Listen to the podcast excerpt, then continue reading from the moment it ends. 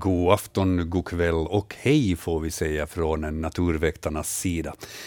Drygt 22 minuter efter jämntimme, det är Ylevega ni lyssnar på. Och eh, här har ni en chans att få svar på alla era frågor om djur och natur. Kvällens experter, Anders Albrecht och Hans Hästbacka och Staffan Sundqvist sköter det tekniska i Böle. Mitt namn är Joakim Lax. Välkomna med allihopa. Hörrni, det har varit en eh, varm vecka, eh, till en del också väldigt fuktig, men mestadels varm.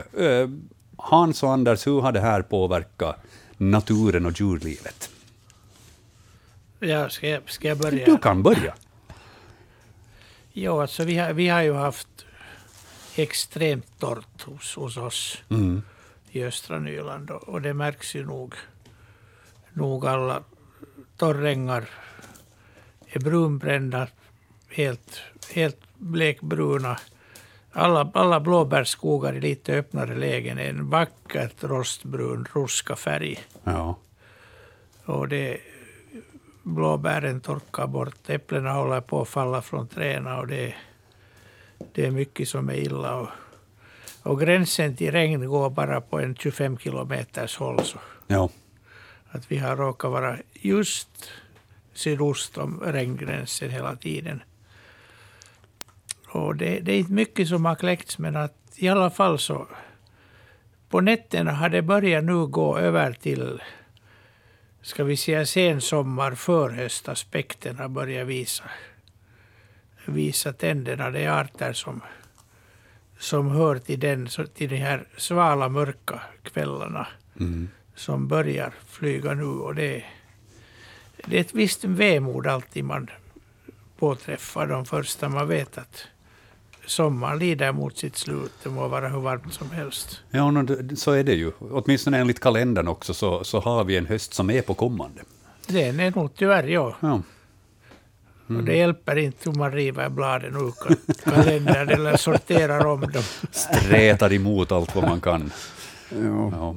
Här, här i de här trakterna, Österbotten och sånt, så har vi ju haft nu ganska mycket regn de här senaste dagarna, och åska och, och ordentliga regnskurar och sånt, så den här torkan har inte varit lika markant här i varje fall. Nej, det låter ju rent ut sagt bedrövligt i, i Anders tassemarker, men, men, men här är det ju grönt och fint och, och vi har ju en rekordstor blåbärsskörd för de som vill plocka Ja. blåbär. Ja. Och ni har säkert svamp också. Jo, svamparna har kommit. Vi har massor med kantareller ute i markerna, plus andra svampar förstås också. Ja, vi har, vi har i, i praktiken ingenting. Ja. Ja. Och, och eh, sen har mycket dagfjärilar kläckt. Aha, ja. Ja. vi, har, vi har väldigt lite ännu, men de, de har nu de här höstfjärilarna börjat. Ja, påfågelögon och nässelfjäril och citronfjärilar och Ja, flera andra, så det är riktigt trevligt att se, se de här nykläckta exemplaren där det finns blommande örter. ja, ja amiraler och sorgmantlar i, i stora mängder nu. Ja. Så. Mm. Ja, så, så där olika är det. Det är ett stort land vi bor i, det finns mycket skillnader. Ja. Så är det. Hörrni, ehm, jag ska passa på att fråga innan vi betar av eh, dagens frågeskörd här i Naturväktarna, så ska jag fråga våra experter, har ni någon favoritart?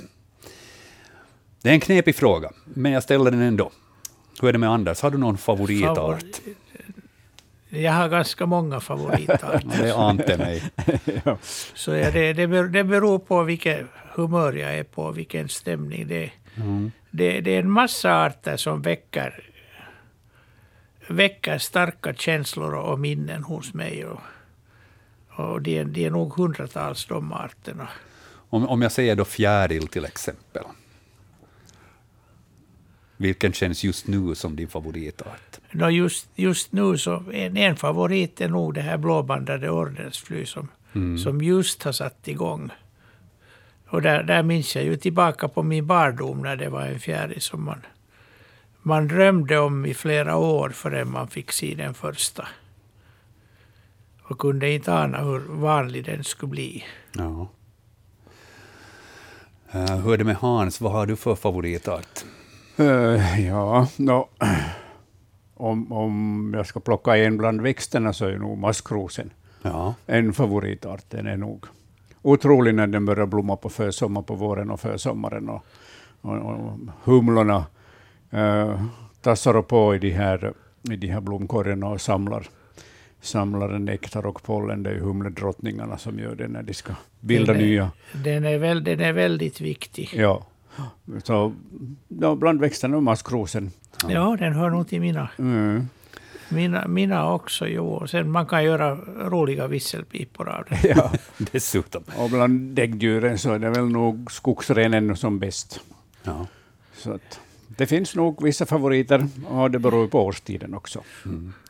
Orsaken till varför jag frågade helt enkelt, jag skulle vilja lyfta upp en, en kampanj som eh, våra finska kollegor på Yle Luonto och vi också deltar i. Och det har att göra med uppmärksammandet av finska naturens dag, som ju är sista lördagen i augusti.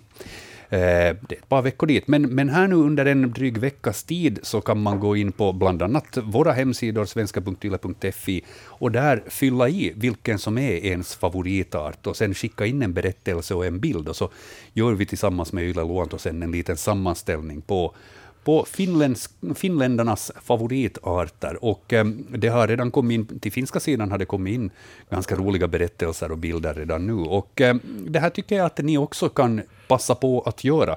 Gå in alltså på svenska.yle.fi och fyll i vilken som är er favoritart. Och ni kan, om ni vill, också delta med bild och då en liten berättelse. Eh, den här blanketten är öppen på webben fram till den 27 i åttonde, alltså finska naturens dag. Då, då man också då kan passa på att flagga för den finländska naturen. Det tycker jag vi alla borde göra som har en flaggstång.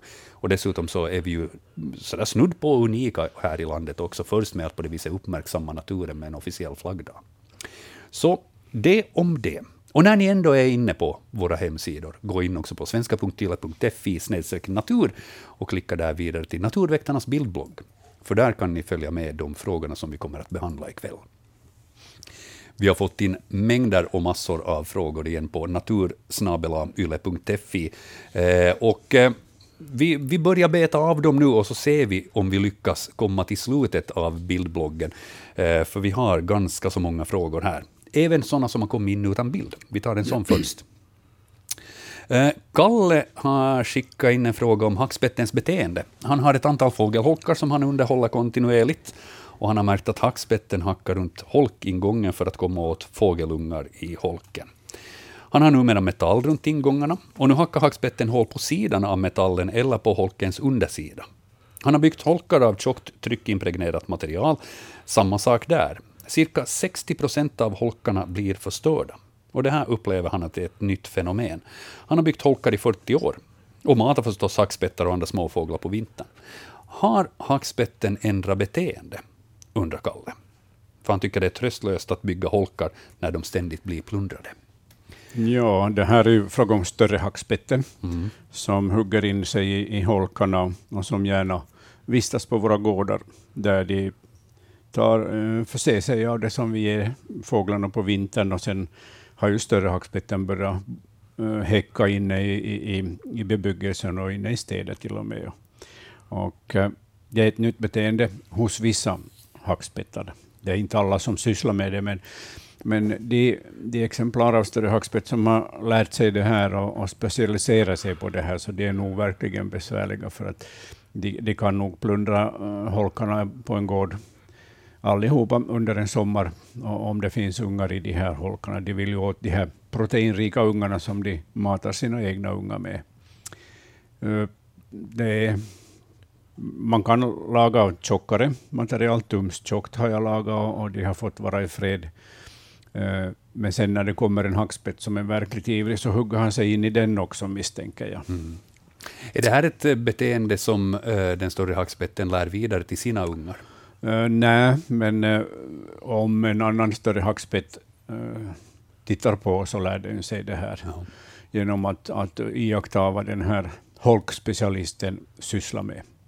Så det enda man kan hoppa, hoppas på för Kalles del är att sparvhöken eller duvhöken dyker upp någon dag och nappar just den här hackspetten, så lugnar det ner sig på den fronten. Just det. Ja, det, det låta naturen ha sin gång Ja. och Mm. hoppas på det bästa då, Mm. på något sätt. Ja, okej. Eh, vi håller oss kvar lite vid fågelfrågor. Ehm, det är Lisso som skriver, vi har två storskrakeholkar på vår holme. Varje år har det varit livligt med storskrakeungar och i båda holkarna var det rörelse ut och in på våren, men senare har inget liv synts till. Nu vid inspektion i holkarna så finns eh, ägg, 19 stycken plus 13 stycken kvar. Delvis eh, vissa ruttna. Inga ungar kläckta och honorna har ej synts till mera. Vad är det som har hänt här? Ja, här är det nog alldeles för mycket, mycket ägg i de här holkarna.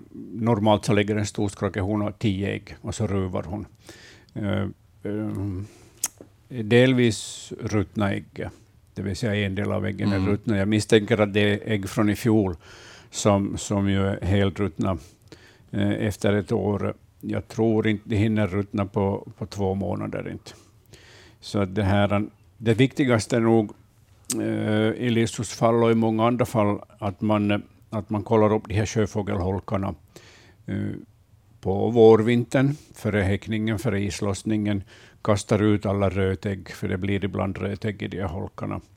Kastar ut alla rötägg och så kan man fylla på lite färskt sågspån. Och, så då är det väl bäddat för att eh, den här häckningen ska lyckas.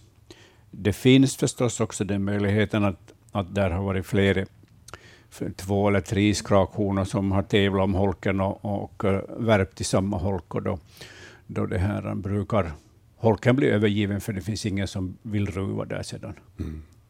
Och då finns det ju den möjligheten att man lagar en två, tre holkar till och, och, och sprider ut dem längs med stränderna, så att de här skrakhonorna hålls ifrån varandra. Precis. Uh, innan vi tar nästa fråga så ska jag passa på att säga 0611 12 13. Det är telefonnumret man kan ringa ifall man vill komma i kontakt med Naturväktarnas experter här i sändning. Så ring 0611 12 13 ifall ni har en fråga. En, uh, ja, vi kan ta en kort eh, fågelfråga här ännu, som också är utan bild. Det är Edvin som undrar, han har flera somrar i rad nu sett tranor som går inne i skogar, både tranpar och tranfamiljer. Är det vanligt att tranor rör sig i skogarna? Är de inte vattenfåglar? undrar Edvin. De rör sig mycket i skogarna, de här tranorna.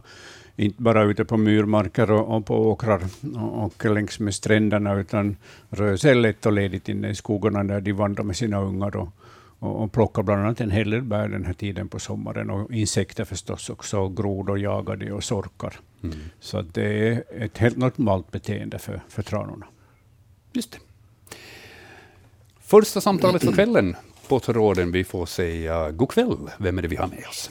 Nu det är Gunilla Kavonius här, hej. Hej Gunilla. Ja, vi har vita blåbär och vi undrar när det bara ökar och vad är det som gör att de blir sådana. På ett visst ställe så är det bara de där vita och de smakar ju blåbär. Och att är det albino eller vad är det som gör det? Ah, Ja, och det, det är ju, det är ju, man kallar det ju alltid albino när någonting är vitt, men det kan vara olika orsaker. Men det är en, det är en, det en det vit, vit genetiskt avvikande form. Och, och ofta är det de här svarta blåbären som blir vita. Okej. Det finns ju blåbär som är svarta och, och Ja, glansiga. ja. Och det är Ja. ofta de som sen lätt blir vita dessutom. Är det liksom följande år eller hur när man har haft det svarta? Det liksom Nej, det, det, det vet man aldrig när det blir, men att det är de, och när, när de byter så det, det kommer då nya, nya ris med den nya färgen. Och, Och de ökar sig liksom med, längs de här rötterna. eller? jo, så att de, Just. de förökar sig och de är ju de svarta är ju ren sällsyntare än de blå och de här vita är ännu mycket sällsyntare. Men, men Ja. de, de förekommer nog här och där. Ja, ja, vi har ett ställe som har blivit, på några år har det blivit allt större och större liksom, det här vita, vita Ja. fältet. Så nu, nu plockar på en liten, liten plats så var det på en, eh, två liter på en liten stund och det var varje bara för ett eller två år sedan var det bara en, en liten kvist. Ja, det ska ni värna om, det stället. Det är värdefullt. Är det så? Ja, inte, ja. inte har det väl varit torka där i år. Nej, nej, nej, för vi har jättemycket annars blåbär. Ja, det men det är bra. Så, och vi, plock, vi plockar liksom för att, för att visa, visa åt andra sådana här blåbär och ingen tror ju riktigt att, att det är blåbär men, men det är ju liksom lite mildare smak än, än riktiga blåbär. Ja, Men det är ju, det har ju de svarta också. ja, De har ja. också en lite mildare smak. De är väldigt goda. Är Ja, det, är det så ja. att själva det här bärköttet, så att säga, också, eller vad man nu ska kalla det, är det också helt vitt alltså? Ja, det, alltså det, jag skulle säga att det är ljusgult liksom. Det är sådär lite som de där vita vinbären, att, att lite sån här natur, naturvita. Men det såg ganska roligt ut när vi hade samtidigt med blåa, vi- plötsligt vita vinbär och alla. Så att det var det där, den här blandningen, Ja. finlandssvenska, Ja. blåa och vita blåbär. Tar det inte lite bort av charmen att plocka sådana när inte man får fläckiga fingrar? Jo, ja, men när de har... Jo, det, jag sa att det här är jättebra för det blir inte fläckar på, på golvet Nej, just det. när de fäller det. Men det där, an, det här, vi har det här ena stället som nu har varit, varit det här så att, så att så länge de, så att de inte torkar bort så, så har vi plockat dem och de kommer nästa år igen på nytt. Och de är blå på samma ställe. Ja, det, det sker väldigt lätt hos växter det här. Just, Ja. just de, här, de här blå, violetta och röda färgerna som, som Ja. orsakas av antocyaner. Alltså det är samma ämnen som, som rödbetan har. Ja, Och de, är- och de, är, de är väl, väldigt känsliga för en, en mutation som, som gör att produktionen av antocyaner, antocyaner upphör och då är, då är allt rött borta. Ja, är det liksom i den där blomman som det är den där?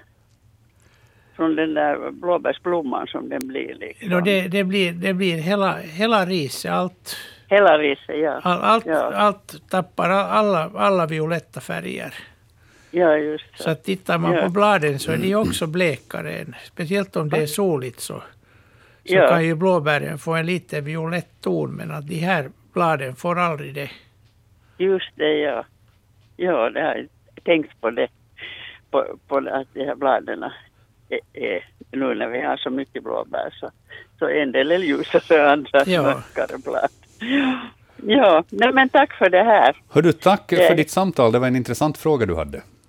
Ja, Ha, ha en Ja, skön fortsättning på kvällen. samma. Tack. Hej då. Hej. Eh, aldrig själv har jag stött på vita blåbär. Hur är det med dig, Hans? Nej, svarta nog, men inte vita. Jag har nog då och då stött på men mest just som hon sa en, enstaka ris eller någon Ja. lit, liten fläck någonstans. Aldrig att jag skulle börja plocka dem. Men man smakar ju, de är faktiskt jättegoda. Ja, vad spännande. Ja, vi får hoppas där för Gunillas del att de, de hålls kvar. Och, och ska, vi, ska, vi, ska vi våga oss på en gissning? Kommer de att eh, spridas ytterligare där? Hur fungerar sånt här? Jag känner inte till den här vita, hur, hur den är i, i konkurrens med de blåa. Den, den svarta är ju nog i underläge alltid. Ja. Och jag misstänker att den vita lägger ett, ett steg ännu efter den.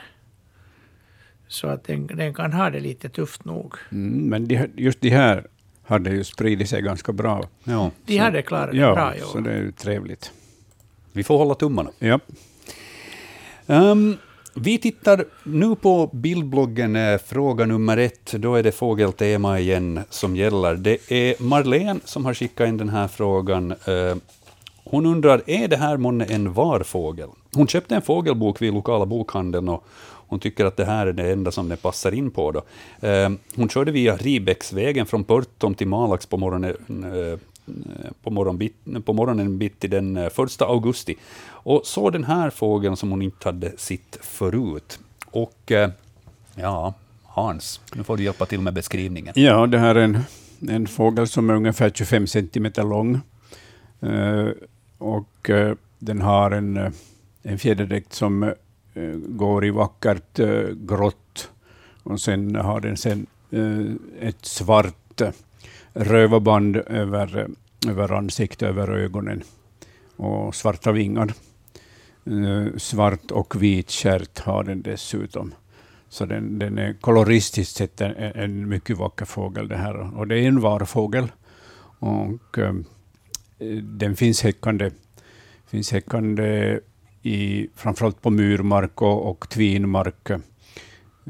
Och därför syns den mer sällan när man ser den sällan på sommaren, därför den håller, håller till, till på, sin, på sina häckplatser, häckplatser och in, inne i de här på myrmarkerna och är mer allmän norrut i, i landet än, än här i mellersta Finland. I södra Finland finns det bara enstaka häckningar, men däremot kan den övervintra i, i södra Finland. Och uh, den är specialist på, på uh, smågnagare, sorkar och möss och småfåglar. Och under häckningen så tar den också ödlor och, och större insekter, skalbaggar och sånt där en, en riktig jägare, effektiv jägare. Trots att den ser rätt så sådär, den ser inte så jägaraktig ut. Nej, men, men då, man, då man ser hur effektiv, eller då den jagar och sånt, så ser mm. man att den är en utpräglad jägare. Ja. Mm. Varfågel. En, en varfågel, ja.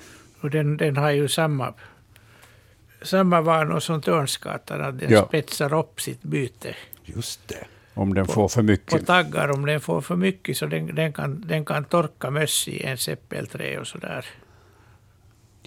Den lägger upp förråd. Ja. ja. Mm. Så ifall man hittar torkade möss i äppelträdet så, så är det förmodligen någon av dem då som har varit i fart. Ja, ja, det kan vara insekter också. Ja, just det. Ofta är det trollsländor. Ja. Varfågel noterar vi för den. Och jag kommer att fylla i svaren vi kommer fram till här eh, efter sändningen hit i bildbloggen, så att man kan gå och titta efteråt också.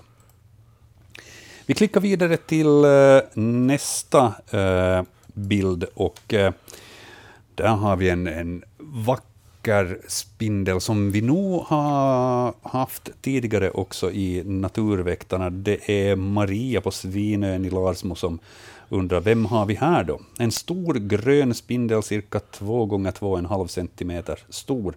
Måtten på solcellen som den sitter på är 6 centimeter gånger 8 centimeter. Och eh, ja, är... spindeln ser ut att vara nästan gjord av plast, tycker hon. Den, den, ser, den ser konstgjord ut. Den är, den är väldigt bjärtgrön, bakkroppen är lite sådär gul, gulaktig. Ja, ser ut som en citron nästan, den här bakkroppen. Stor och uppsvullen, det är en hona. Hanen är magrare och har dessutom röda teckningar.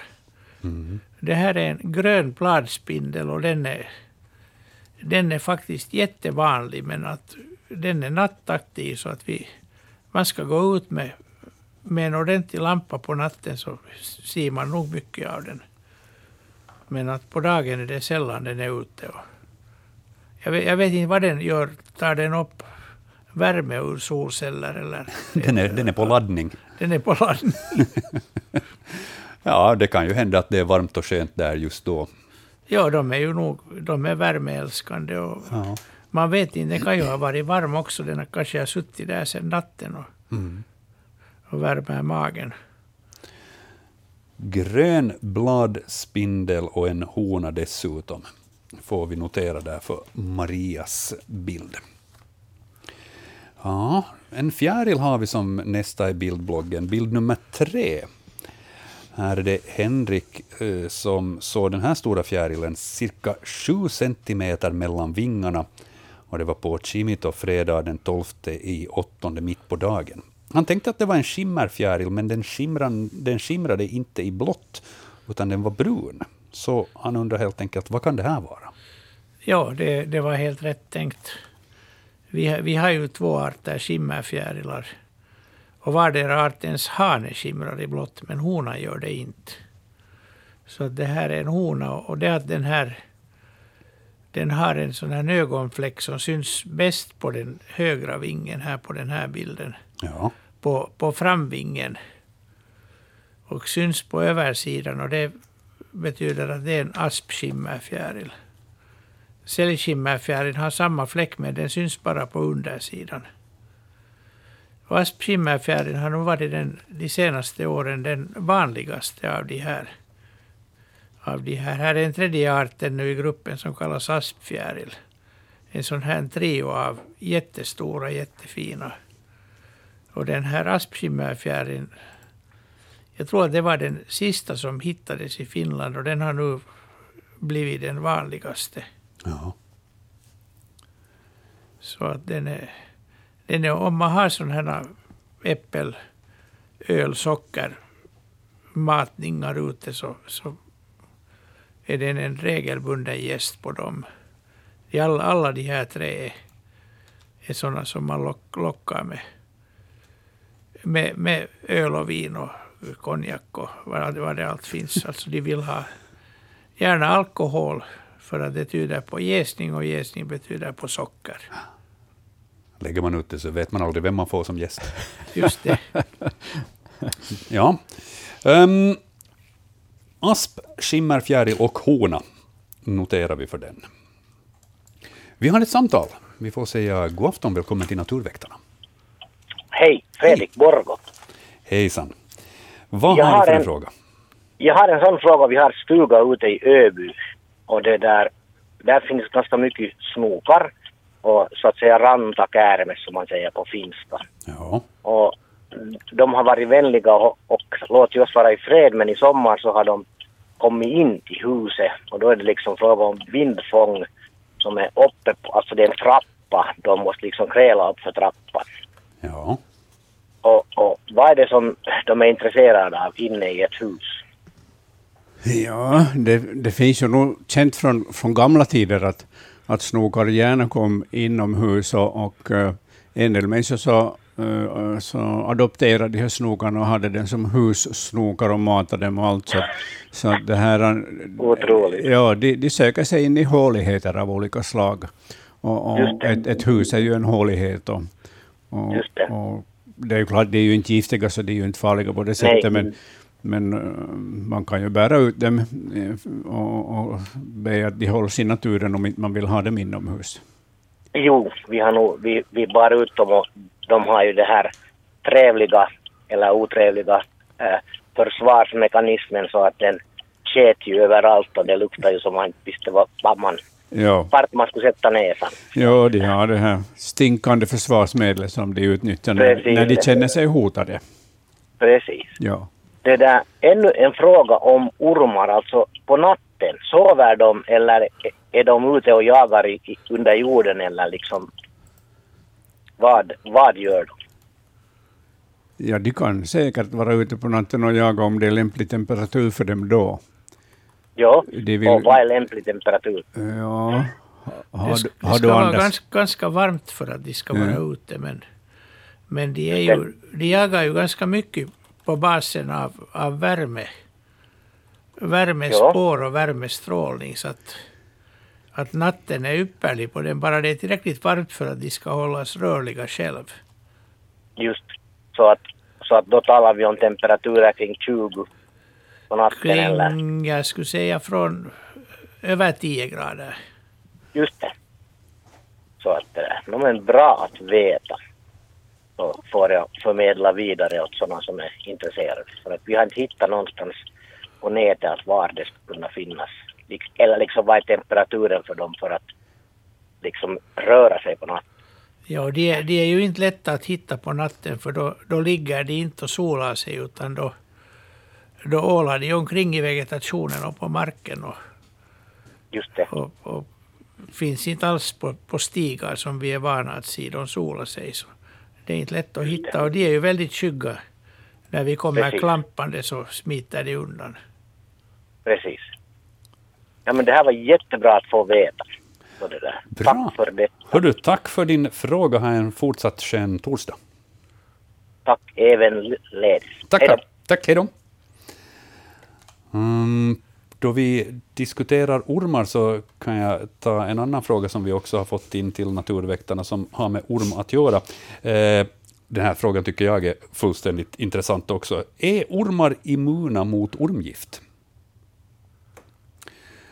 Kan de så att säga dels kanske bita sig själv i misstag och då drabbas av giftet, eller, eller hur är det när de, när de äter ett byte som de själva har huggit och då sprutar gift i? Vad händer då när de, när de äter det? Är ormar immuna mot ormgift? Och när de får, får i sig det här ormgiftet via byte så spelar det inte någon roll därför att byte hamnar ner i matsmältningsapparaten. Men, men eh, ormgiftet, när ormen hugger så hamnar ju ut i blodcirkulationen och där, mm. det, där är det giftigt och angriper vävnader och, och, och nervsystemet. Um, ja, jag skulle nog säga att, att, att de inte är immuna mot gift, men jag vet inte. Hur, vad tror du, Anders? Jag, jag tror också att de inte, för att de, de, de har nog ordnat så att de inte, de inte ska få det i sig. Mm. Ja, de hugger inte sig själv.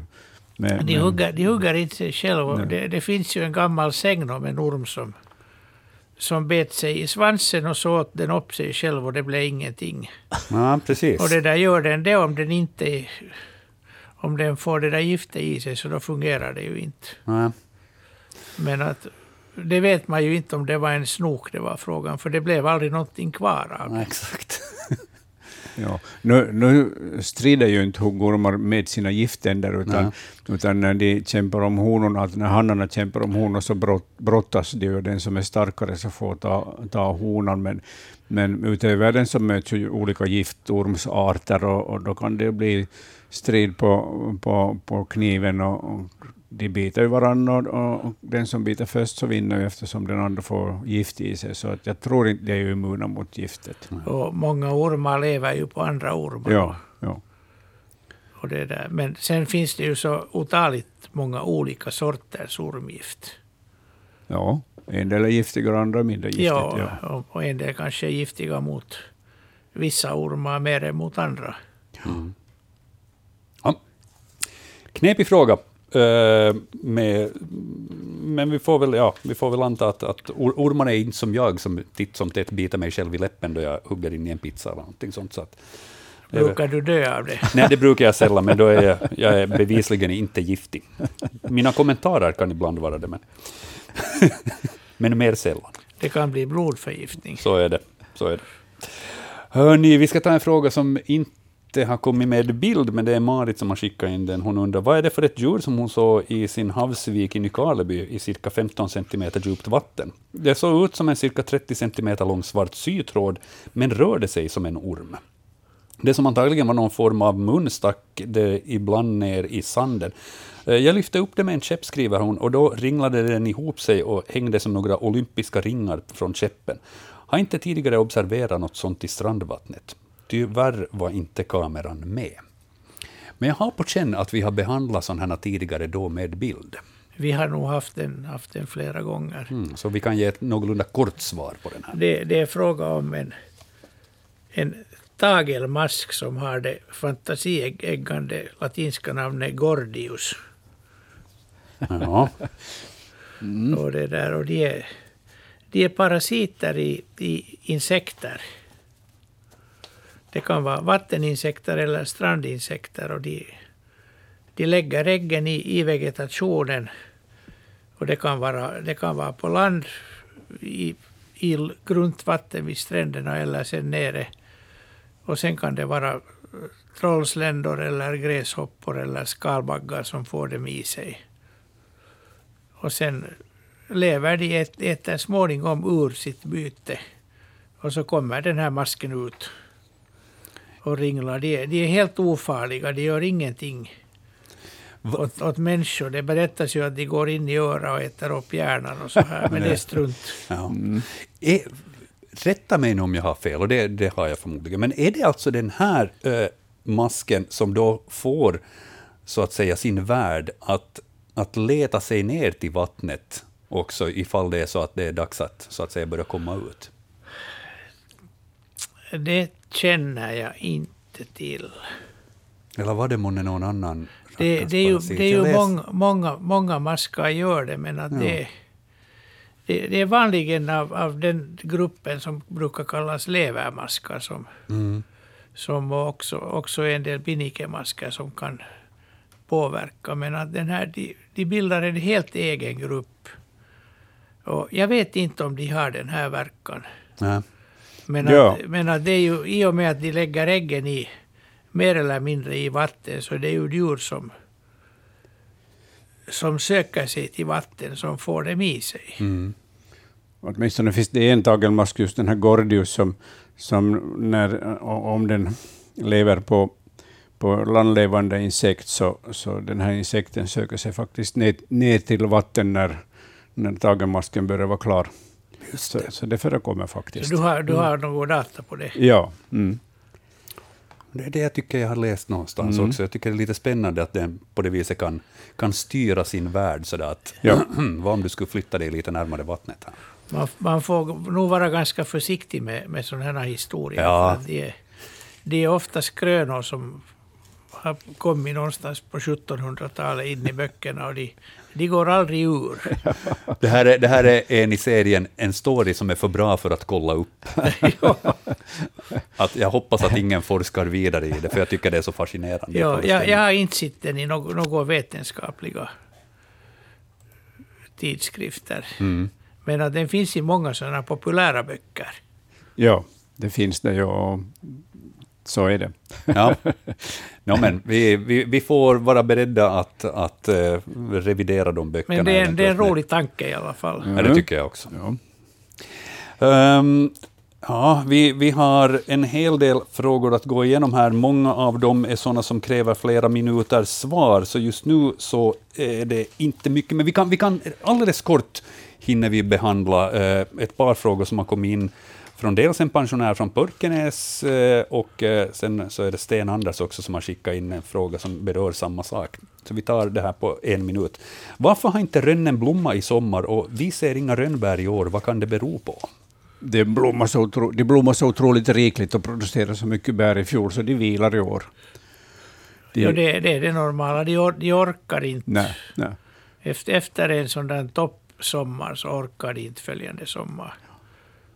Hur, hur kommer det här att påverka fågellivet? För det är ju väldigt många som lever på de här rönnbären sen Ja, under de måste vintern. äta andra bär helt enkelt ute i markerna och sen dra söderut snabbt, till exempel sidensvansarna. Ja. Ja, det, men det som är intressant nu är att, att normalt när, när rönnen ger lite bär så då är äpplena väldigt angripna av rönnbärsmal. Just det. Men våra äpplen är inte speciellt angripna i år. Ja. Fast våra rönnar står tomma. Men okej, det var ett bra rönnbärsår i fjol, därför tar de paus nu. Det är det vi får konstatera.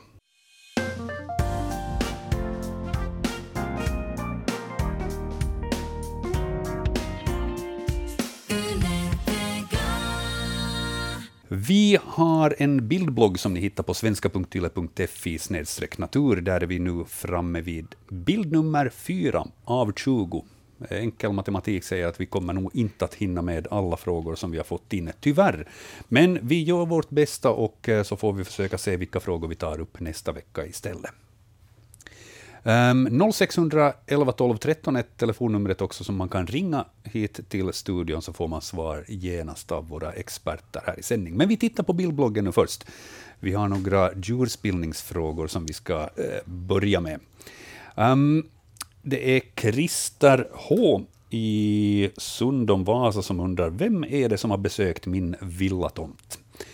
Bilden här har en tändsticksask också uppe här vid hörnet så att man har någon storleksjämförelse. Och från tändsticksasken som är då, var då 5 cm ungefär så kan vi härleda att eh, den här avföringskorven är 7,5 cm lång ungefär ja. ordentligt avsmalnande i ena mm, ändan och äh, det ser ut att, alltså i mina ögon så, ser, så säger jag insektsdelar, men säger jag rätt? Jag tycker det ser ut som det skulle vara mycket insektsrester i, i den här avföringen. Det ser så ut nog, ja. Ja. Eh, Storleken är lite stor, men trots det så skulle jag säga att det är igelkotten, igelkottens avföring det här.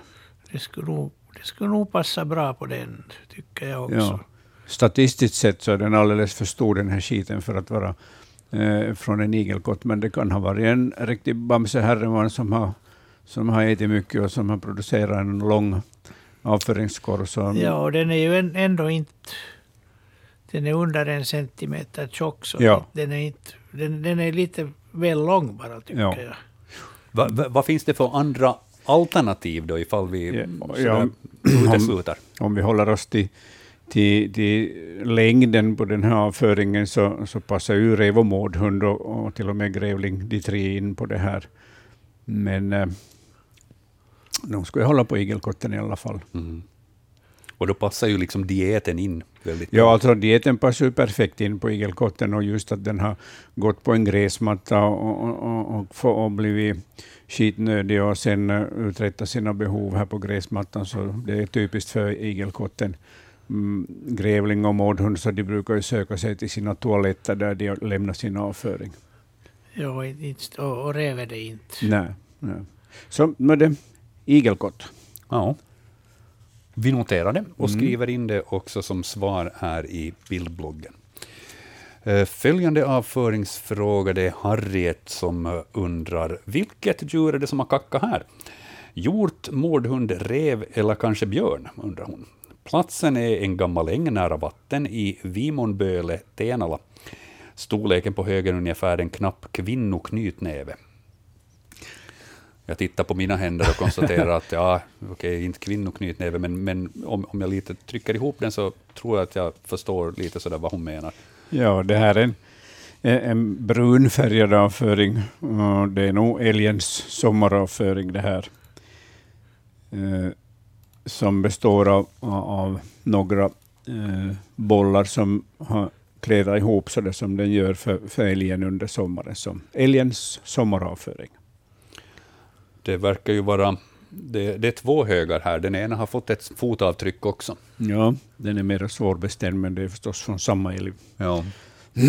Svårt att se vilken sko, men jag hoppas att de har skrapat av den ordentligt innan de kom hem. Ja, det där sulans mönster passar inte på något djur. Nej, det gör nog inte det. Men en kriminal, kriminaltekniker så skulle ju ta fast den här personen lätt. Ja, det tror jag. vidare. sällskap av en hund så skulle det vara lätt att följa, följa doftspåret. Men, men älgens sommaravföring, när är det så att säga så där på ett ungefär som det, älgens avföring övergår till, till det här som vi är vana att se? Nog blir det ungefär i halva hösten. Mm. Det är när det inte finns saftiga gröna saker Ja. mer att äta. Så. Jag skulle säga från, från början, från mitten av oktober ungefär. Ja. Så att det är ändå så pass länge som, som avföringen är, är så här, att om man hittar de här så att säga älgpepplorna, så då, då får man nästan anta att det kan vara fjolårets. Mm, ja, men om de är färska så är det årets. Ja. Det, det, det, det finns ju förstås en tidsrymd på en månad där Mm. för den här övergången. Ja. Vilken tid på året brukar du själv övergå till att äta bark? Ja, vet du, det, det, det, det är nog inte någon månad, utan det är helt beroende på löneläget, tänkte jag säga. Mm. Älgens sommaravföring noterar vi där. Um, ytterligare en avföringsfråga har vi sen. Uh, Annika skriver, hej, vid vår sommarvilla vid havet i Österbotten så hittar vi denna spillning på två ställen bredvid stenfoten. Avföringen finns på ett cirka 30 cm stort område vid två olika väggar. Vi misstänker att fladdermöss sover under ytterpanelen. Den är nämligen helt öppen ner till. Har även sett fladdermöss flyga i skymningen på vår tomt. Om det är fladdermöss, kan de göra någon skada på huset och i så fall hur får man dem att flytta bort, undrar Annika. Vi kanske börjar med att titta då på bilden och eh, försöka reda ut att är detta fladdermusspillning. Vi har en tändsticksask här också som storleksangivelse och eh, ja, små korta, korta inte, inte pärlor utan mera korta korvar kanske man kan kalla det. Mm, och svarta. Svarta och, och ganska oregelbundna, Mm, olika ja. stora. Och, Ja. Visst, visst är det, nu är det fladdermusavföring nog. ja. Det låter ju också som, som om det riktigt bra skulle kunna vara det ifall Ja. panelen är öppen ner till. Och, Mm. Ja, någon skada på huset gör de inte, de här fladdermössorna. Uh, och så länge de inte stör, stör eller, eller på något annat sätt ställer till med någon oreda så kan det ju bra bo kvar.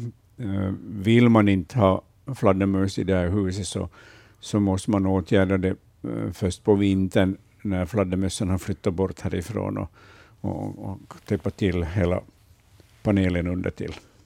Så att de helt enkelt inte slipper dit till nästa säsong. Mm, ja. Men, Men jag, jag ser ingen orsak till att man skulle stänga ut dem här.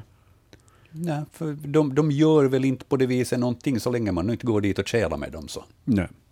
så är det väl inte ett problem. Nej, det är inget problem på det sättet. Fladdermus skriver vi in där också. Visst var det det. Eh, telefonen blinkar. Vi passar på att säga god kväll. Välkommen till Naturväktarna. No, det är Ulla från Borgå, hej. Hej Ulla. Jag tänkte fråga en sån här sak. Vi har en katt som ligger mycket på dagen ute på gården. Och sen har vi skatungar där ganska mycket. Och de här skatungarna försöker nypa katten i svansen. Vad kan det bero på? Och katten blir så irriterad men det gör ingenting förstås, bara stiger upp. Den Men gör- de är jätteintresserade av kattens svans. Och, och, och katten låter skatungarna vara. Mm, Den tycker inte om det, nej. Den blir irriterad och stiger upp förstås. Men att de försöker på nytt och på nytt igen att, att ta, nypa fast i svansen på den. Att, att jag undrar vad de, vad de tänker om kattens svans. De säger ju att det är en, en levande varelse. Har, har den någon mat eller något byte där, katten? Nej, nej, den ligger bara och njuter där i, ute på gården. För det är ganska vanligt bland kråkfåglar att de Ja, just ny, nyper rovdjur i svansen och stjärten för att få deras ah, byte. ja. Just det, det var nytt för mig i alla fall. Just det. sen nu- Jo, jo, nej, jag tänkte att, att om de inbillar sig att den är död, katten, att de skulle försöka på det viset, men då måste det inte vara så. Ja, jag tror att de här skatorna är mycket nyfikna på den här svansen som emellanåt rör på sig. Och katts, Ja, kattens yt, svans ytterspets brukar ju emellanåt vispa till. Och, och, Ja, och, och, och kråkfåglar är ju nyfikna och prövar på det mesta. Just det. Jo, sen hade jag ännu en annan fråga om jag får fråga. Ja. Vi har en stuga ute på en holme i Pellinge skärgård. Och vi har varje år haft mycket små fåglar som mest har då svarta och vit flugsnappare. Och i år har flera bon tömts av något rovdjur. Och en dag så märkte vi en mård med två ungar som skrek i ett träd. Mm, mm. Och, det där, och de där holkarna, så de är på det viset att eh, de är orörda, att fast vi har hackspett och ekorrar och sånt här så, så inte har vi aldrig förut haft någonting sånt här att de har tömt många. Att kan det vara de här, den, den här mord, Morden. morden som har tömt åt sina ungar då? Ja, det enda man ser i öppningen så det är fjäder, Ja. men ingenting annat har förstört. eh, ja mården gör på det sättet att den, den klättrar upp i, i trädet där, där en sån här fågelholk finns och så från sidan så sti- sticker den in ena framtassen och den kan gå ganska dju- djupt ner i en sån här holk och plocka upp de här ungarna Ja. med sina klor. Just det. Så att det ja. här, eh, det finns ju eh, flera sätt, eller två effektiva sätt att undvika det här, och, eller motarbeta det. Och det är att man, att man lagar nya holkar som är, är dubbelt så djupa som de här, Ja. som de här vanliga holkarna. Så då kommer inte den åt, eller sen så, Nej. så bygger man ett, ett sned, alltså snedtakade holkar som där det här taket sticker långt ut Ja, över holken och, och sen några pinnar in under, under det här hålet, så att det blir en, en triangel som skyddas Ja, och, och då brukar Ja. de inte komma åt de här ungarna. Nå fint. Men det ska vi försöka. Mm. Enklast är att Fint. bygga djupare holkar. Ja, Ja. nå fint. Mm. Tack så mycket för ett bra program. Tack, hör du för ditt samtal. Det är, Tack. det är frågor som det här som Tack, gör tack. programmet. Tack ska du ha. Bra. Tack, hej. Tack, hej då. Hej. Ja, nya holkkonstruktioner, det är det enklaste sättet. Ja. Spännande där med, med kattungarna som, eller, eller skatungarna som, som bråkar med katten. Man, man kan se det framför sig. De, de Faktiskt. Fick se ett gott skratt när katten blev arg. Garanterat. Hörni, vi ska titta lite på, på trädrelaterade frågor. Mm, dels så har vi en fråga som vi ska mm, plocka upp från, från förra veckan, men innan det så har vi en eh, som signaturen Gui har skickat in här. Eh, han undrar helt enkelt, vad är det här? Granar stora som små är gula i toppen. Det såg ut som granarna dör av det.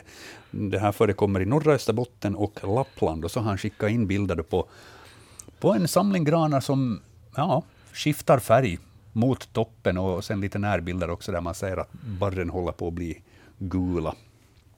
Eh, vad är det vi kan berätta åt, åt Guji? Det här, den, den har angrepp av en rostsvamp som kallas skvattramrost. Alltså en, en svamp som lever på, bildar sådana bruna fläckar på bladen på, på getrams och rhododendron. Och sen flyttar den över till granen och de här bildar sådana spor, sporgömmen på barren. Längs med barren flera stycken och, och barren blir då helt gula. Och, de ser ganska speciella ut. De blir inte så där bruna som normalt om en gran torkar så blir den brun, utan de är, de är ljusgula och väldigt, väldigt vackra. Och de kan nog ta livet av, av granen om det är tillräckligt för att de här angripna barren repar sig aldrig. Mm. Och som man ser här, de kan på den här vänstra bilden, att de, de kan angripa hela granen nästan. Som är en del toppar som är helt... Och unga granar kan vara helt gula också. Om, om man nu då är skogsägare och har ett stort granbestånd på sina ägor, ska man vara orolig ifall det börjar se ut på det här viset? Ja, ja jag, jag vet att det är så vanligt, vanligt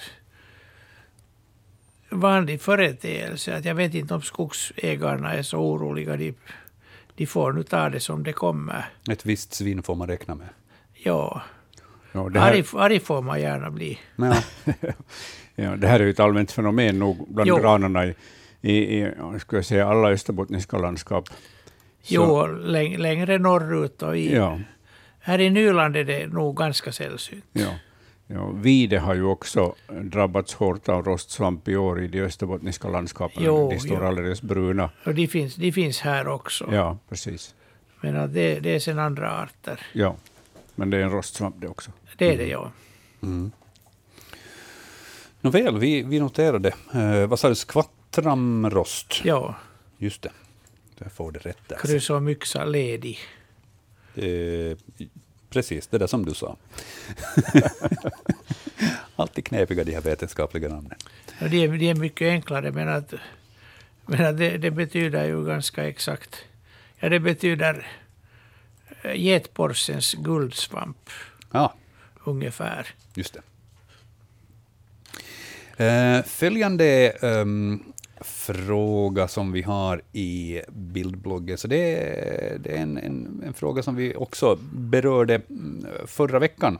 Det är Martin som, som undrar det här med, med vad det beror på att, att vissa, vissa blad på träd blir så stora och undrar ifall det handlar om ungdomens iver. Hans, du, du, har, du viftar här med, med blad i handen. Ja, vi diskuterade det här förra gången och, och jag tänkte att det till och med ska kunna vara askblad, men att nu är det klibbalsblad det Mm. här. Och, och jag har faktiskt varit och botaniserat eh, vi, här längs med Vasas eh, stränder och strandpromenader i, i, före programmet, och, där man har då glesat ut till exempel klibbalsbeståndet längs med stränderna för att, för att skapa en, en liten utsikt ut över, ut över den här den fjärden. Och, och där fanns precis sådana här och, Ja. och exakt lika stora, 15 centimeter gånger 15 centimeter, lika stora blad på unga klibbar, alltså de som har vuxit upp efter röjningen. Och det är ungdomens satsning på, på rediga blad för att, eh, för att eh, växa snabbt och, och, Ja. producera mycket näring. Jag tänkte säga att jämfört med de klibbalsbladen som jag är van att se, så ser det ut som dasslock nästan. Ja, ja, ja. Det här skulle passa faktiskt för förnämare stjärtar. Ja. ja dasset. till och med det Det klibbiga, är ju- klibbiga sidan åt, åt andra hållet. Så Ja. Det är ju väldigt vanligt också bland, bland just asp och, björk. Ja. att Och, de och, gör det här. Och jag har sett askblad som har varit nästan 30 centimeter i Ja. diameter. och Det jag, jag, jag tittade verkligen på, på två andra arter också, lövträd, och det var ek och lönne. Och, och det största, på, alltså unga exemplar, och, och det största ekbladet så, som, som jag hittade, som jag har med här i studion, så det är 30 gånger 15 centimeter. Det är, ganska ordentligt. Det det ser ut som rabarber nästan. Ja. Och, och, och det största lönnbladet var 20 gånger 22. Ja, det är minst lika stort. Ja. Ja. Lönnen har nog ganska stora blad annars också. Mm, ja. Ja, vi skulle kunna tapetsera studioväggen med de här Det kunde man stora göra. bladen. Ja, de där var imponerande. Vi får, vi får hänga upp dem någonstans. Ja. För, för stora exemplar har du hittat. Det, ekbladet speciellt Ja, speciellt det här ekbladet är otroligt. Och pressar dem så de blir snygga. Ja. Det är alltså det, jag knappt så jag täcker det med handflatan. Jo, alltså nej, det gör du. Spretar med fingrarna. Ja, så det är alla unga plantor eller unga skott som, som satsar för fullt på, på det här energiproduktion och tillväxt. Exakt. Vi får säga tusen tack till Martin för en intressant fråga förra veckan, plus kompletterande fina bilder också Ja. som vi satt in här på, på bildbloggen. Ungdomens iver handlar det om. Vi, vi håller oss kvar, jag ser att telefonen blinkar här, men vi, vi håller oss kvar lite på, på blad och lövfrågor, så får vi slutbehandla dem innan vi tar följande samtal. Um, följande är Leif som har skickat in det här, och han undrar, är det här en vanlig skogsek, eh, trots att den har flikade löv? Och eh, ja, rejält flikade löv är det ju, men eh, huruvida det här är skogsek, så det har inte jag en aning om. Eh, jag tittar på Hans, han rycker lite på axlarna. Hur är det, Anders? Ja, det är en, det är en som är, är odlad här. Den, den kallas rödek. Röd En, en helt, en helt eh, egen art, Quercus rubra. Den kan ha röda blad, men att nor- normalt är den nog så här grön. Men att grenarna är ofta lite mer röda än, Mm. än skogs och, och bergek. Och just de här spetsiga flikarna Ja. som, som gör det. De är inte alltid så här smala, de kan vara bredare också, men just att de är spetsiga. Då jag tittar på det här snabbt så, så bara jämförde jag det med, med äh, larväten rucola, tänkte jag när jag såg dem. För, Ja, det var inte så dumt tänkt. Nej, men, men, men en väldigt speciell form på, Ja. på bladen. nog.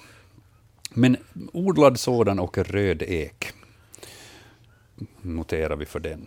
Eh, Följande väldigt intressanta bladfråga är det som Helsingforsaren i Falun har skickat in till oss.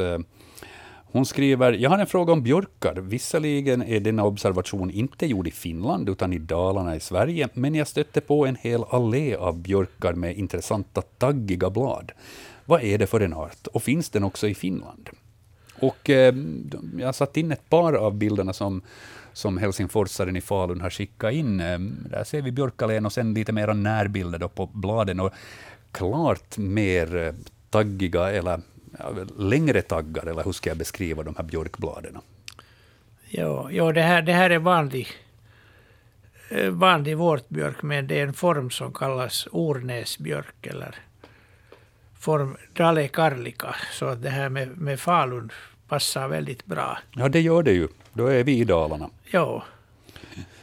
Men att vi, de, de odlas nog här också i, i parker och, och så där. Men det, är en, det är en helt vild form, men den har ju förstås eh, exploaterats som, som park, Mm. park, för den är ju väldigt spännande. Men i övrigt så verkar inte björken i sig sen skilja, skiljas åt från, från en vanlig vårtbjörk. Då, jag menar, det, är- det är bara bladen som är annorlunda. Det, är- det är blad, bladformen och bladen är, är i medeltal betydligt mindre. Ja. Men att annars är den, är den en vanlig björk. Man undrar hur den här skulle lämpa sig som bastukvast.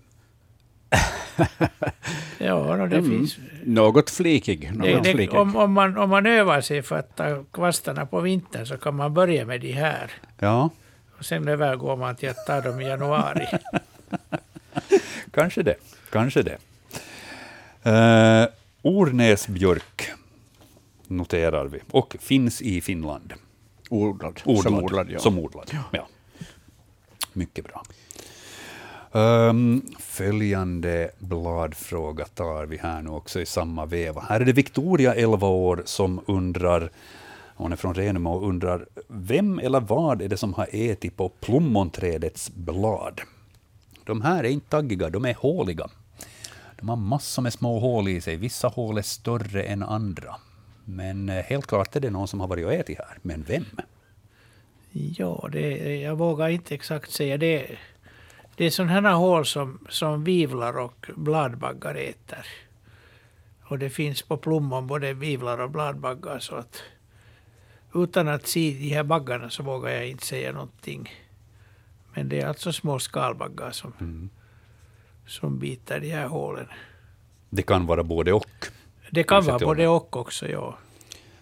Vivlar och eller bladbaggar noterar vi för den. Och, och resten får vi helt enkelt lämna. Vad är, vad är det Victoria ska titta efter? Hur skiljer man dem åt ifall hon går och spanar på plommonträdet sen? De, de flesta vivlar har en, en tydlig snabel. Mm. Men att de har inte alla det. Men jag skulle tro att de arter som, som går här, att de har en snabel. Och bladbaggarna är mera så här lite nyckelpigsliknande. Men de kan, de, kan, de kan vara gulaktiga med prickar, de kan vara metallglänsande blå eller gröna eller svarta. Väldigt varierande utseende. Mm. Och antagligen så finns det inte mera här utan de har, de har gått, gått vidare vad de, nu- vad de nu har gjort sen. Ja. Okej, men vivlar och eller bladbaggar får vi ge som svar åt Victoria.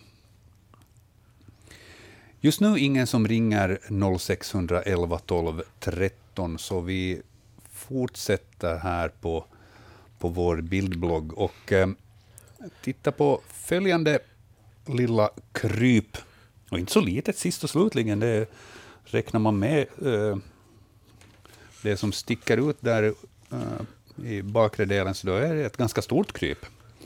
Och Eh. kropp, kroppen är kanske en och en halv centimeter så det blir, Ja, det blir fyra, fem centimeter till. precis. Så de, de är ganska stora. Och det, det som är intressant, det kanske inte är så lätt att se på den här bilden, men bakkroppen sitter fast uppe på det segment där den sitter. Alltså den sitter på bakkroppens sista segment. Ja, Och hos de flesta steklar sitter den ner till. Liksom som fortsättning på det andra. Men hos de här sitter den uppe.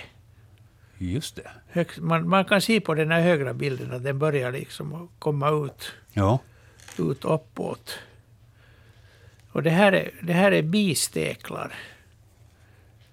Och man ser dem oftast flyga längs, flyga eller springa längs torra trä, trästammar och ladväggar och överhuvudtaget trä, träkonstruktioner där det, där det bor finns skalbaggshål där det bor solitära bin och- och andra steklar. Och de här är parasiterar på de här steklarna. Så de tar, de tar det här äggläggningsröret och så lägger de in lägger de ägg in, djupt in i boet som finns där flera centimeter in i, i virke. Och, och larverna lever sen av de här steklarnas larver och av, av den mat bier har hämtat åt sina larver så, sådana som le- lever av någonting som de andra har samlat åt sig, de brukar kallas kleptoparasiter. ja. De helt enkelt stjäl maten av andra. Men att eh, de, de äter nog upp den här värddjurets larver också. Så de, är- de är både rovdjur och växtätare. Och, Det, det, det här långa, långa äggläggningsröret här, så det, det fungerar alltså också som en borr. Det fungerar, i själva verket så, så består det av fyra delar. Tycker man kan säga att det liksom är lite sådär, ja, åtminstone det- två som, som så att säga spröten där i slutändan. Det är två, två spröten och och det är själva slidan som omger hela... Där är två sådana här smala, smala spröten. De, de hänger ihop men de är, de är inte fastvuxna vid varandra. Nej. Utan de går att ta sär. Och inne i dem finns det här själva äggläggningsröret. Som också består av två delar. Och i ändan är så här lite sågförsett. Och de kan genom att gnida de här delarna mot varandra, den vänstra mot den högra, så kan de borra sig in i trä. Att den, här, den kan borra hela det här in i en, i en stenhård torr trädstam eller en ladvägg. Det är fantastiskt att någonting som ser så här bräckligt ut ändå Ja. kan ta sig in på det viset. Och de, och de hittar de här ställena dels, dels genom dofter som kommer ut ur det här, men, men också genom att lyssna sig till och känna efter vibrationer i träet. Ja, förra sommaren så fick jag se en sån här parasitstekelhona som var i farten och, och, och sprang över, över eh, granstammar som hade fallit året innan och, och eh, hon sökte just på det här sättet. Ja, Och sen när hon hittade en larv eh, under barken eller inne i trävirke så borrade hon sig in. Det var nog fantastiskt att se det här. det, det är otroligt. Ja. Ja. Ja, det, det, var, det var antagligen ikneumoni där du såg en, en annan familj. Ja, De vanliga, att de här är mera specialiserade just på de här solitära bina. Ja. Att Den du såg var antagligen på jakt efter ja, långhorningslarver. mm, ja, så tolkar jag det också. Men att hackspett, hackspettarna hittar ju sitt byte på samma sätt. Ja. Mm. Bistekel noterar vi där för Håkans fråga. får jag skriva in sen. Uh, god kväll säger vi. Vi har ett samtal som väntar. Vem är på tråden? Jag är Bo Asplund från Korsholm. Hejsan Bo. Jag har en, jag har en sådan fråga. Alltså för en vecka sedan ungefär så såg jag en, en kaja Ja, som såg ut precis som en vanlig kaja men hade en lång smal näbb. ja. En kaja har ju en ganska kort och robust näbb men, men den här så hade, hade en lång näbb. Mm. Vad kan det vara för fågel? För vi har inte hittat någon sån där i, i någon fågelbok. Eh, ja. Antingen är det en kaja som har, som har miss, missbildad näbbe. Helt eller ska vara, där på samma ställe lär det ska vara fem till tio stycken av de här samma. Ja, det är en kull. Kull all, alla ser likadana ut. alla ser likadana ut. Jag kan inte tro något annat än att det är samma kull kajor eh, som har blivit producerade i år och flygfärdiga i år och, och alla har fått den här missbildade näbben. Ja, nämligen när jag körde hem därifrån en stund senare så, så såg jag en massa med kajor också som satt Mm. på marken. Ja. Och de hade alla den korta tjocka näbben. Ja. Eh, Så jag skulle säga att det är missbildade näbbar. Ja, ja. Mm. Okej, nå, tack så mycket. Ja. Tack för ditt Mm. samtal. Ha en skön kväll. Tack, hej. Ja, då får man väl anta att det helt enkelt precis det, det är samma familj som Ja. har drabbats så att säga av det här. För, för eh, det verkar som att Bo åtminstone hade helt på det klara att det rörde sig om kajor. Så Ja. då är det ingenting att fundera kring det. Ehm, vi tar eventuellt lite mer samtal om en liten stund. Vi eh, ska titta på ett par larvfrågor här som har kommit in också på e-posten tidigare. Um,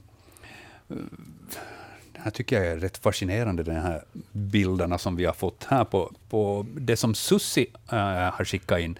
Hon undrar vad är det här för larv? Två av eh, bilderna som hon skickade så har jag satt in här. Gula larver med eh, svart huvud, förutsatt att jag tittar på rätt ända. Och så ser de lite håriga ut också. Ja, Och vad är de? Två centimeter nästan, så de man skulle reta ut en. det är ungefär två centimeter. Och det, det är bladsteklar av släktet Cladius. Jag har inte hittat något svenskt namn för de här släktet. De, de lever på lövträd och de lever som kolonier så det kan vara en 20-30 larver under, un, på undersidan av samma blad.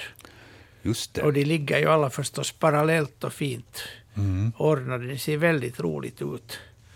Och sen beger de sig alla samtidigt ner till marken för att förpuppa sig.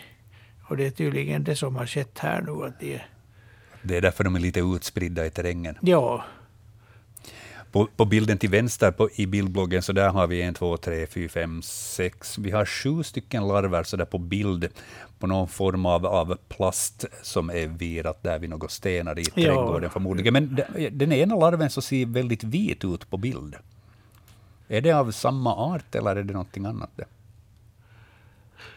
det kan vara samma. Jag, jag tror att den har bytt.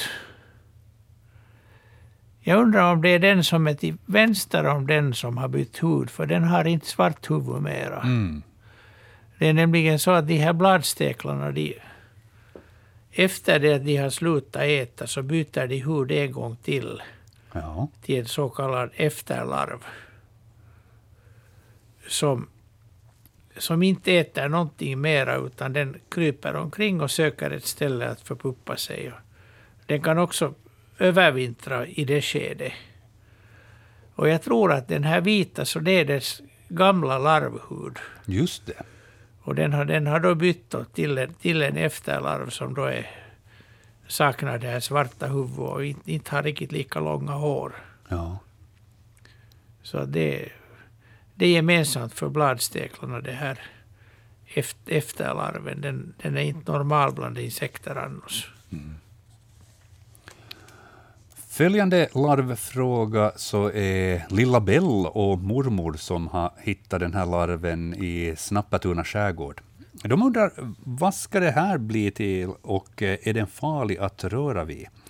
Ehm, och den här ser ut nog som en larv som vi har haft många gånger tidigare i Naturväktarna. Den, den har vi haft nog. Ja, Ja, det, den är mörk med sådär brandgula streck och lurvig ser den ut också. och lur, lurvig. Och det är en- larven av en gräsulv.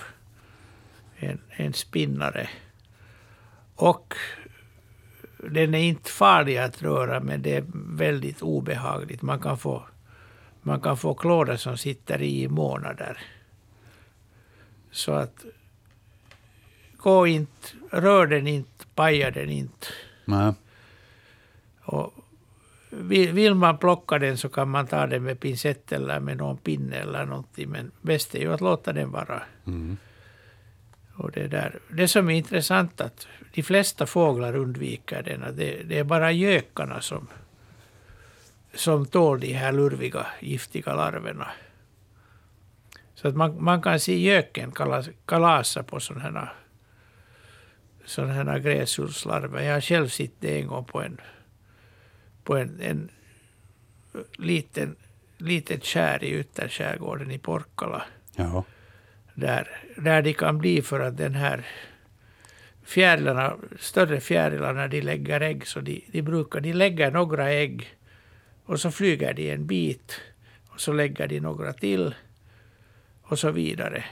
Om de då är på en 100 meter bred holme så flyger de och så lägger de ägg och flyger och lägger ägg och alla äggen blir där på samma holme.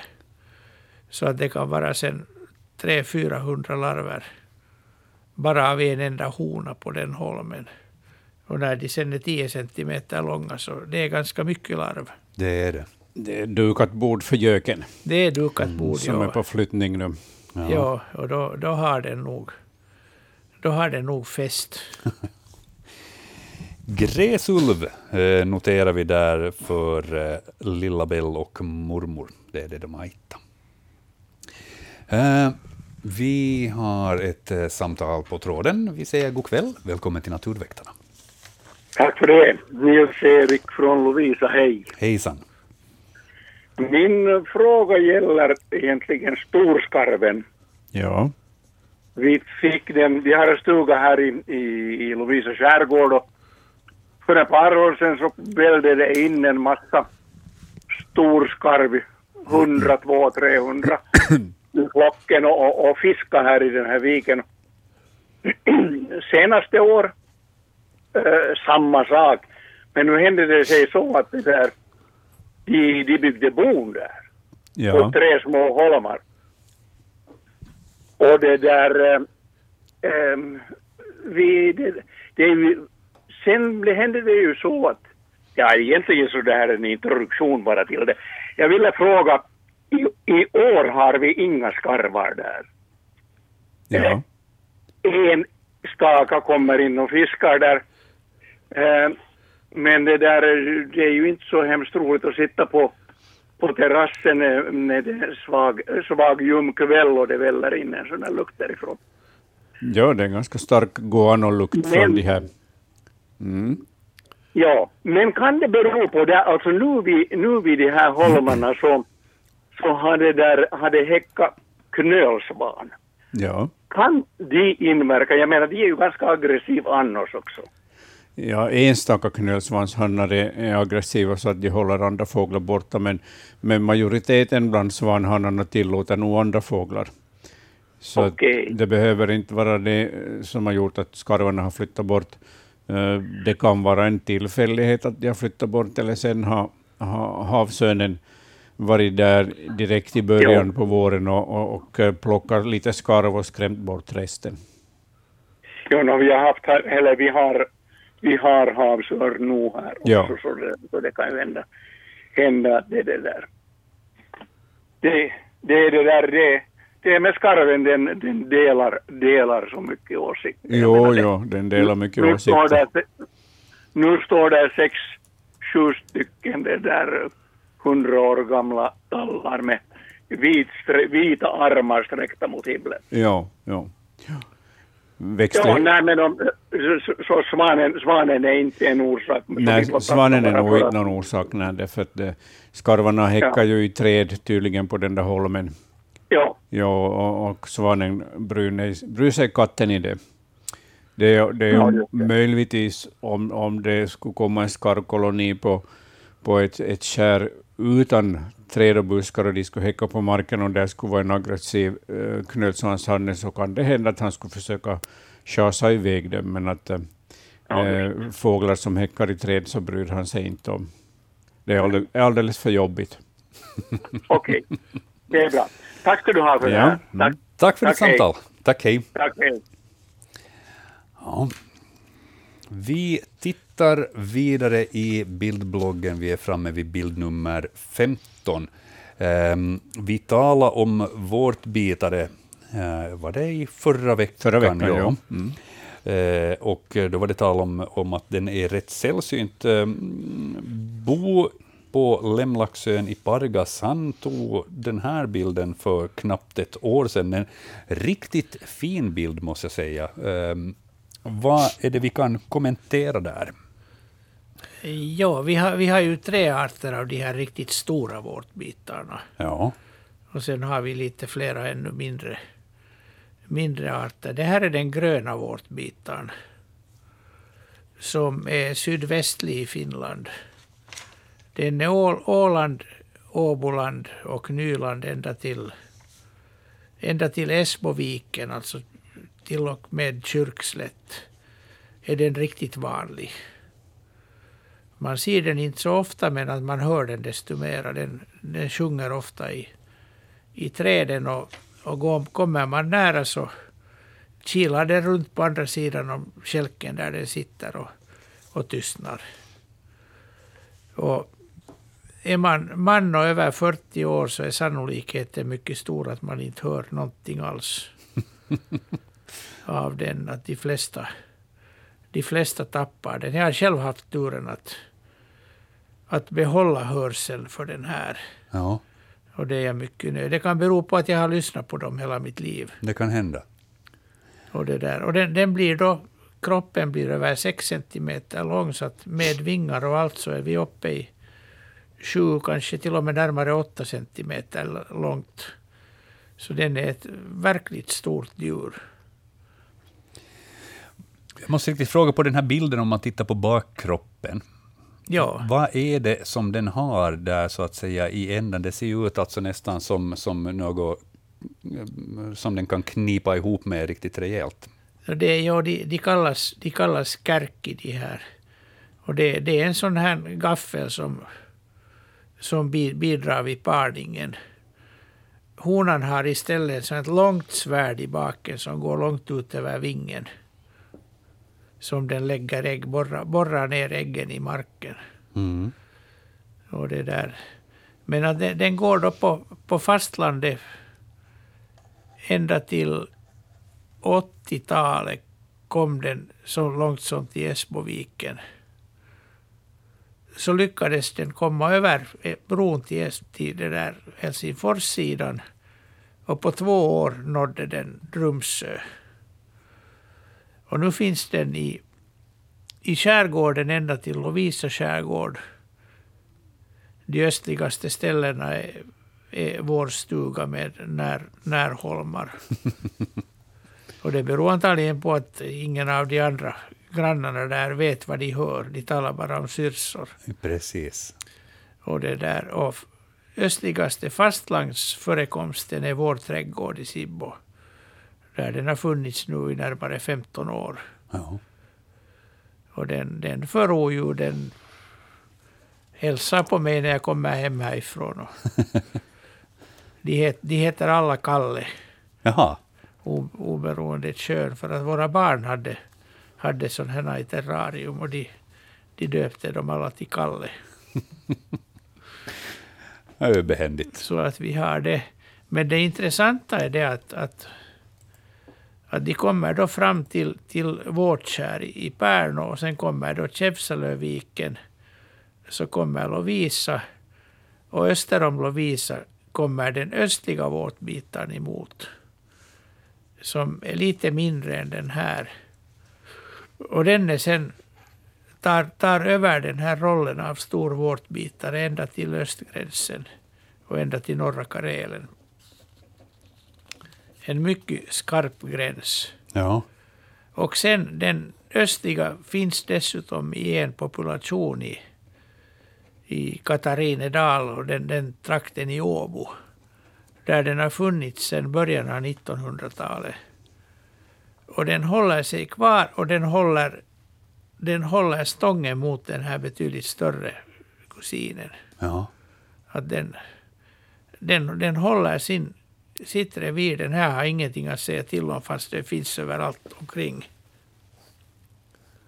Och den här östliga vårtbiten sjunger ännu mycket ljudligare än den här. Så den kan män över 40 eventuellt höra till och med, eller? Uh, ja, men den, den, den har samma, samma enormt höga frekvens. Ja. Att det, det är inte fråga om ljudstyrkan. Nej, alltså nej. den, den här styrkan sjunger ju så att då när man hör den bra så De ligger hör på man det den på, på 300 meters håll. Ja, ja. Och det där och nu hör jag dem ungefär på 50 meter. Mm.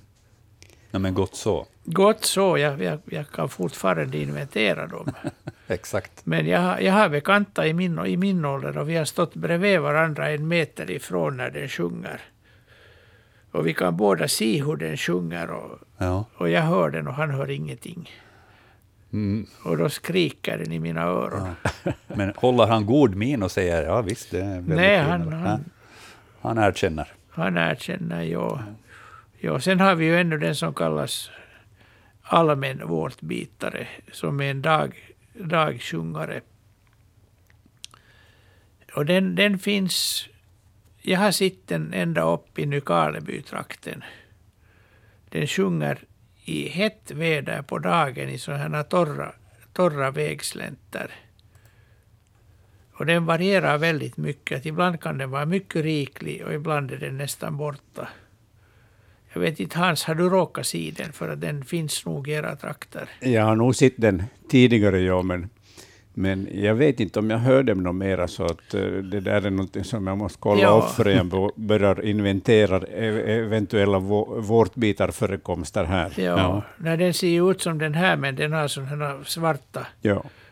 svarta tvärband och sen och fläckiga vingar och kan vara både brun och grön. Ja. Så att, men men det, det är roliga djur de här och det skulle vara roligt att veta exakt var utbredningen för att just nu följer den min utbredning ganska noga. Mm. Ja, men ifall folk märker av den här så får de Ja. skicka in observationer. Och det är intressant att en sån här tung, tung krabat den kliver upp för lod- lodräta fönster som ingenting. Jag tänkte. Den har, den har sådana här sugkoppar i fötterna. Så att ofta, ofta ser man den i, i sådana här från insidan i, i sådana här festsalar och så här där det kommer mot ljuset och kliver upp längs fönstret. Och, och det där. Ingen, ingen tror ju sina ögon i, i det skedet. Men att det är roligt att få en så här fin bild av den. ja, Riktigt. visst. Grön vårtbitare. Hane. Hane. Det här är en hane. ja. Exakt. Mm.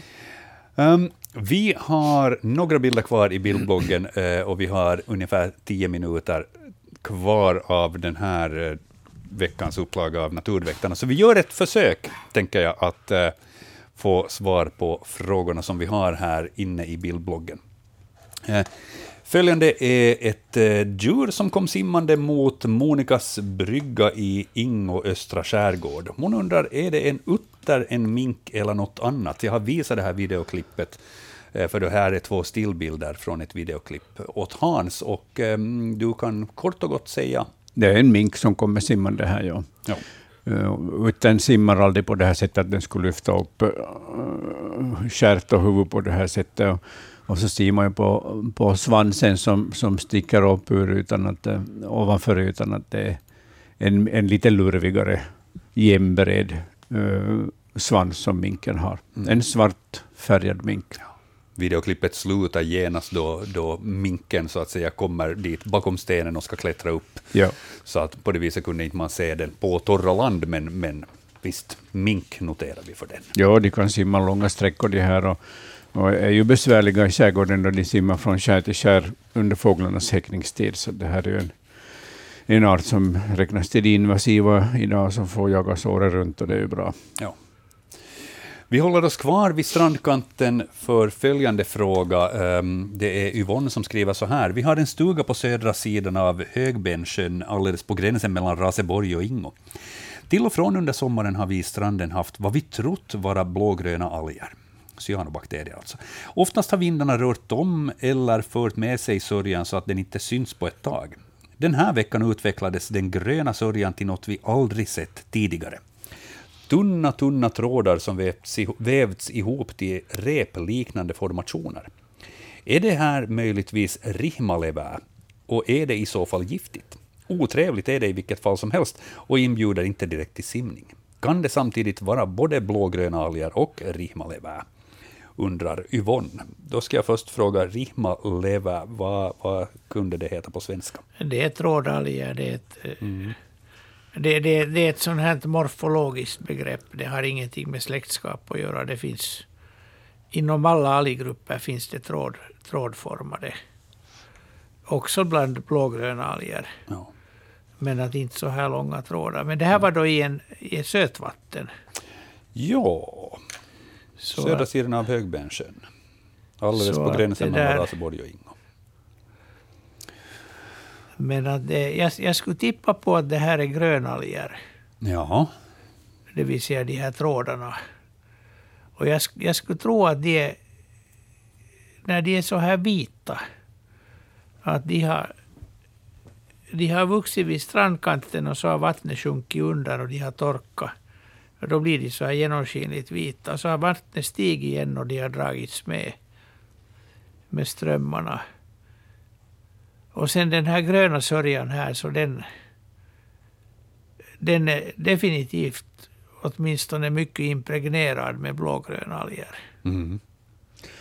Ja, det är nog dessutom otroligt bra bilder på det här, tag, tagna på det här fenomenet. Så det, den, alltså den, här, den här bilden hör, hör riktigt till sådana läroboksexempel på. Ja.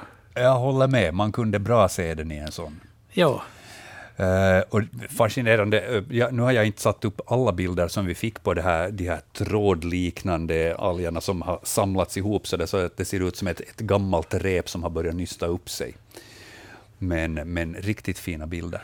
ja, de skulle ju gå med mikroskop att identifiera. Men, men det viktiga är nu, och det betyder att de här, den här blågröna komponenten kan vara giftig. Mm. Men att de, är, de är ju faktiskt de här blågröna. Folk frågar ofta hur det är att simma i det. Och man ska ju inte simma i sån här gröt. Det är helt klart. Och man ska ju inte dricka av vattnet. Men att om det finns lite blågröna alger så kan man nog simma bara man inte sväljer vattnet. Mm. Precis. Och det där, man, man behöver inte bli jätterädd för det finns en massa blågröna alger som inte utvecklar gift. Och, och en del giftiga som bara under vissa förhållanden utvecklar de här gifterna. Så att det, inte, det ser ofta värre ut än det, men man ska inte dricka det här och inte låta hundarna heller dricka eller andra djur. Med andra ord, inte låta hundarna simma där då heller, för att Nej, för de dricker då. då, då gör de det. Ja. Man ska se, se upp med det här och, och har man ett någorlunda hyggligt mikroskop så kan man ganska lätt identifiera de här giftigaste arterna.